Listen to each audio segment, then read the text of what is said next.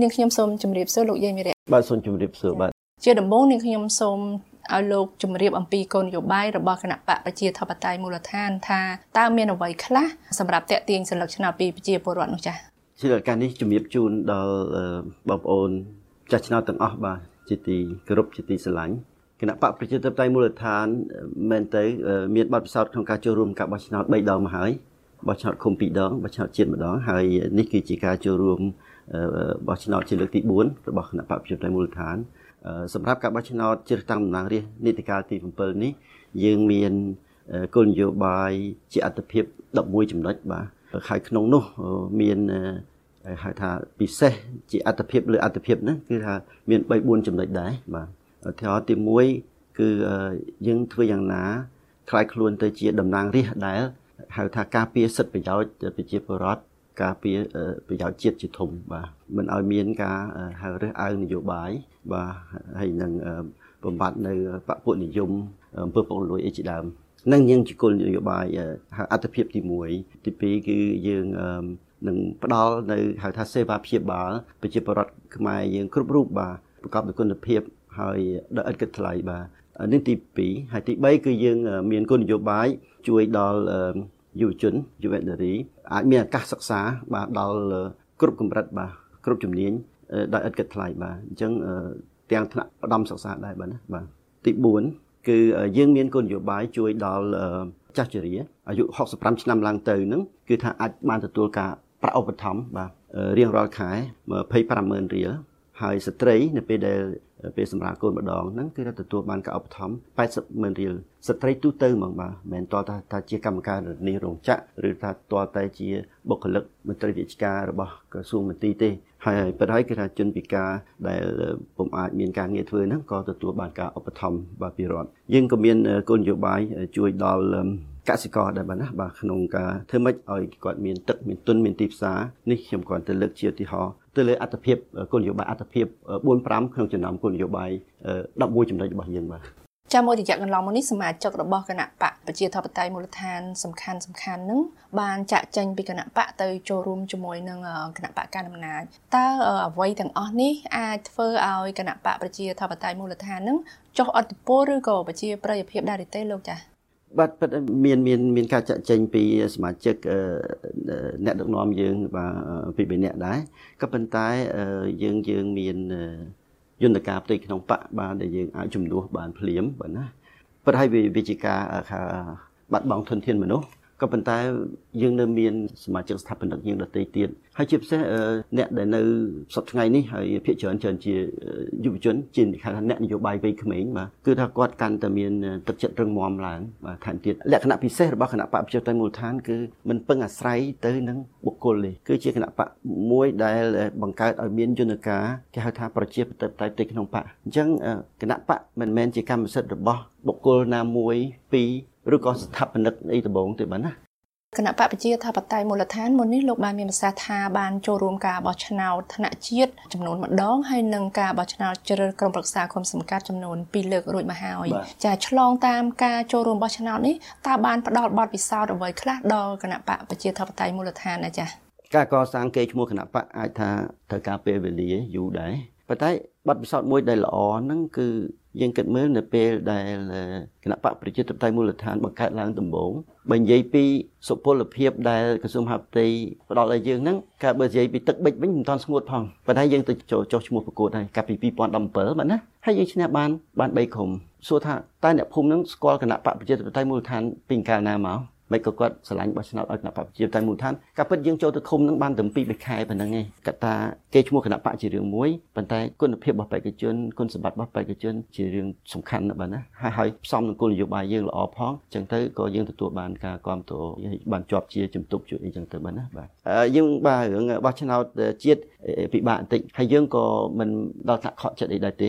ព្រោះអីយើងដឹងហើយថាយើងគណៈបកទឹមបង្កើតមកគេមិនទាន់ស្គាល់អីច្រើនហើយយើងក៏មិនទាន់មានសមាជិកនៅតាមមូលដ្ឋានច្រើនដែរការចូលរួមក្នុងការបោះឆ្នោតម្ដងម្ដងគឺថាវាផ្ដល់បទពិសោធន៍យើងដែរណាយើងចេះដឹងពីនីតិវិធីហើយយើងចេះត្រៀមខ្លួនចេះរៀបចំខ្លួនយើងបាទណាក្នុងការដាក់ភ្នាក់ងារក្នុងការដែលដាក់បេក្ខជនអីជាដើមបាទណាហើយហើយក្នុងការតស៊ូមតិទៅលើការកែតម្រង់ប្រព័ន្ធបោះឆ្នោតអីចឹងបាទណាបើយើងមិនបានចូលរួមទេយើងយើងយើងយើងអត់មានបទពិសោធន៍អស់ហ្នឹងទេបាទ នៅក្នុងការចូលរួមបោះឆ្នោតជ្រើសតាំងតំណាងរាស្ត្រអាណត្តិទី7នេះតើគណៈបកប្រជាធិបតេយ្យមូលដ្ឋាននឹងរំពឹងទទួលបានជោគជ័យនឹងដល់កម្រិតណាដែរទៅលោកចា៎ និយាយទៅសម្រាប់គណៈបព្វជិតផ្នែកមូលដ្ឋាន គឺយើងព្យាយាមប្រឹងប្រែងអស់លទ្ធភាពរបស់យើងមែនណាគឺថាកម្លាំងកាយចិត្តធនធានដែលយើងមានហ្នឹងគឺធ្វើម៉េចទី1គឺថាឲ្យគេស្គាល់យើងឲ្យគេដឹងយើងកន្លងមកហ្នឹងពួកគាត់បានស្គាល់យើងខ្លះខ្លះដែរហើយព្រោះយើងមិនមែនតែគណៈបព្វទៅបកកើតទេបាន8ឆ្នាំដែរហើយមែនណាបាទអញ្ចឹងមានតែអំពាវនាវដល់ម្ចាស់ឆ្នោតទាំងអស់ថាសូមកុំបំផ្លាញសិលឹកឆ្នោតខ្លួនសូមកុំបំផ្លាញឱកាសខ្លួនហើយសូមកុំបណ្ដោយឲ្យបាត់បង់ខាត់បង់សម្លេងប្រជាធិបតេយ្យ5ឆ្នាំបន្តទៀតសូមចាត់ទុកថាគណៈបកប្រជាធិបតេយ្យមូលដ្ឋានជាជំរឿសរបស់បងប្អូនជាសេចក្តីសង្ឃឹមរបស់បងប្អូនកុំឲ្យតន់អស់សង្ឃឹមបាទណានៅមានគណៈបកប្រជាធិបតេយ្យមូលដ្ឋានដែរត្រង់ថាលទ្ធផលមិនយ៉ាងណាបានប៉ុន្មានអានឹងអាស្រ័យលើលើបងប្អូនតែសម្រាប់យើងគណៈបកប្រជាធិបតេយ្យមូលដ្ឋានយើងបានធ្វើចំណែករបស់យើងយើងបានប្រឹងប្រែងអស់លទ្ធភាពដើម្បីឲ្យបងប្អូនមានជំរឿសហើយអាចថាមើលក្នុងស្លឹកឆ្នោតទៅឃើញគេរូបត្រីកោណនេះហើយលេខរៀងទី11ហ្នឹងបាទអញ្ចឹងអាចថាបងប្អូនអាចនឹងមានសម្រាប់ជ្រើសរើសឲ្យខ្លាយទៅជាហៅថាតំណាងរាស្ត្រល្អតំណាងរាស្ត្រដែលការពារសិទ្ធិប្រយោជន៍បងប្អូនបាទ បើសិនជាគណៈបកប្រជាធិបតេយ្យមូលដ្ឋាននឹងទទួលបានអាសនៈនៅក្នុងសភានៅក្នុងការបោះឆ្នោតជ្រើសតាំងតំណាងរាស្ត្រអាណត្តិទី7នេះតើគណៈបកប្រជាធិបតេយ្យមូលដ្ឋាននឹងនឹងដោះស្រាយបញ្ហាអ្វីដែលជាអត្ថភាពមុនគេនិយាយទៅឲ្យតែបានអាសនៈតិចទៅដោយគុណនយោបាយជាអត្ថភាពឬកិច្ចការជាអត្ថភាពដែលគណៈបកប្រជាធិបតេយ្យមូលដ្ឋានតំណាងរាស្ត្រយើងនឹងធ្វើហ្នឹងគឺសុំស្នើដូរសមាជិកភាពកោជប ព្រោះតាមរដ្ឋធម្មនុញ្ញយើងច្បាប់ស្តីពីការរៀបចំប្រព្រឹត្តទៅរបស់កោជបគឺគណៈបកក្រៅរដ្ឋាភិបាលក៏មានសិទ្ធិអំណាចក្នុងការដាក់បេក្ខភាពសមាជិកកោជបដែរបាទណាអញ្ចឹងជារឿងអត្ថភាពទី1គឺយើងធ្វើហ្នឹង ហើយក្នុងនាមជាតំណាងរាស្ត្រគណៈបកប្រជាធិបតេយ្យមូលដ្ឋាន យើងនឹងនិយាយការពារសិទ្ធិប្រយោជន៍ជាប្រដ្ឋជាពិសេសឧទាហរណ៍ទាក់ទងនឹងបញ្ហាដោះបំណុលរបស់ជាប្រដ្ឋបាទនឹងជារឿងអត្ថភាពដែរគឺថាត្រូវថាធ្វើម៉េចឲ្យមានគោលនយោបាយហិរញ្ញវត្ថុដើម្បីជួយដល់ធនាគារហើយនិងគ្រឹះស្ថានមីក្រូហិរញ្ញវត្ថុដើម្បីឲ្យគាត់មានលទ្ធភាពបន្ធូរបន្ថយការសងឧបមាថាត្រូវសង2ឆ្នាំមកសង4ឆ្នាំអីចឹងទីហោបាទណាហើយនឹងធានាឲ្យមានឱកាសការងារជាពិសេសរក្សា EBA 100%អីចឹងមកវិញ GSP អីហ្នឹងបាទហើយនឹងធ្វើម៉េចប្រជាប្រដ្ឋមានចំណូលបាទ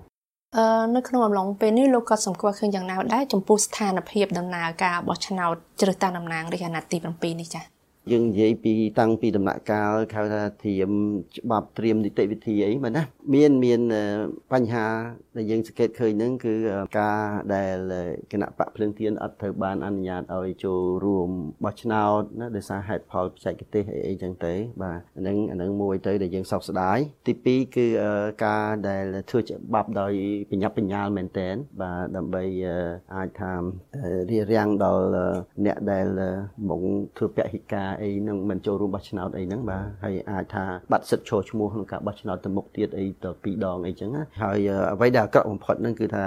យើងឃើញថាខាងកោជបហ្នឹងក៏ព្រៀងនីតិវិធីសម្រាប់អនុវត្តច្បាប់ហ្នឹងដែលច្បាប់ហ្នឹងអត់ទាន់ចូលជាធរមានផងហើយតាមធម្មតាអត់ទេគេច្បាប់មានសិនបានកោជបព្រៀងនីតិវិធីសម្រាប់អនុវត្តច្បាប់ដែលមានជាធរមានហើយប៉ុន្តែនេះអត់ទេបញ្ញាបញ្ញាលពេករហូតទៅដល់ព្រៀងនីតិវិធីលើលើអាសេចក្តីព្រៀងច្បាប់នៅឡើយកន្លងមកកោជបនិយាយថាជាស្ថាប័នដែលអនុវត្តច្បាប់ឲ្យតែយើងសុំកែច្បាប់កន្លែងណាគាត់ថាគាត់អត់ដឹងទេគាត់គ្រាន់ជាអនុជាស្ថាប័នអនុវត្តច្បាប់ទេតែកាលណាសភាអនុម័តហើយគាត់ដឹងតែពីអនុវត្តទេ ប៉ុន្តែលើកនេះច្បាប់នឹងអត់ទាន់ទៅជាធរមានចូលជាមានសុពលភាពផងព្រះមហាក្សត្រព្រះអង្គមិនទាន់ឡាយប្រកាសឲ្យប្រើផងប៉ុន្តែក៏ជាបបញ្ញាពេកហ្នឹងគាត់ត្រៀមនីតិវិធីសម្រាប់អនុវត្តផ្អែកទៅលើអាសេចក្តីព្រៀងបាទណាបាទយើងឃើញថាមានភាពដែលយើងដូចជាមិនទំនងអញ្ចឹងទៅលើដំណើរការហ្នឹងបាទនេះនេះការកាត់សម្គាល់យើងតកតងទៅនឹងរឿងច្បាប់បទជានីតិវិធីក្នុងការរៀបចំការបោះឆ្នោតនេះហ្នឹងបាទណា ចាជាចុងក្រោយនេះតើលោកមានពាក្យឬក៏សារអ្វីផ្ដាំផ្ញើទៅដល់ប្រជាពលរដ្ឋដែលកំពុងត្រៀមខ្លួនទៅចូលរួមការបោះឆ្នោតនៅថ្ងៃទី23ខែ7នេះចាអំពាវនាវដល់បងប្អូនជាប្រដ្ឋខ្មែរយើងចាស់ឆ្នោតទាំងអស់បាទជាពិសេសអ្នកប្រជាធិបតេយ្យនិយមទាំងអស់ថាសូមកុំបំផ្លាញដែលស្លឹកឆ្នោតខ្លួនកុំកុំ បំផ្លាញបំបត្តិឱកាសរបស់ខ្លួនបាទណាហើយសូមយកឱកាសនេះជាឱកាសដែលរឹសអ្នកបំរើបាទដើម្បីធ្វើម៉េចឲ្យនៅក្នុងសភាហ្នឹងមានគណៈបកនយោបាយដែលអាចថា ការពារនៅសិទ្ធិប្រយោជន៍បងប្អូនបាទនៅក្នុងសភាប្រយោជន៍ប្រទេសជាតិយើងបាទកុំឲ្យរដ្ឋសភាដឹកនាំប្រទេសដោយមានសម្លេងបកតែមួយពួកកន្លងមកអាណត្តិកន្លងមកហ្នឹងគឺថាសភាយើងដឹកនាំប្រទេសមានសម្លេងបកតែមួយទេហើយអញ្ចឹងសូមឲ្យម្ចាស់ឆ្នោតហ្នឹងគិតកន្លែងហ្នឹងមែនទែនហើយគណៈបកប្រជាតៃមូលដ្ឋានគឺជាជំរើសមួយរបស់បងប្អូនបាទមានលេខរៀងទី11នៅក្នុងស្លឹកឆ្នោតបាទនាងខ្ញុំសូមអរគុណលោកយាយមីរៈដែលបានផ្ដល់កិច្ចសម្ភារនេះដល់ VOA នាងខ្ញុំសូមអរគុណប្រិយមិត្តទាំងអស់និងសូមជម្រាបលាចា៎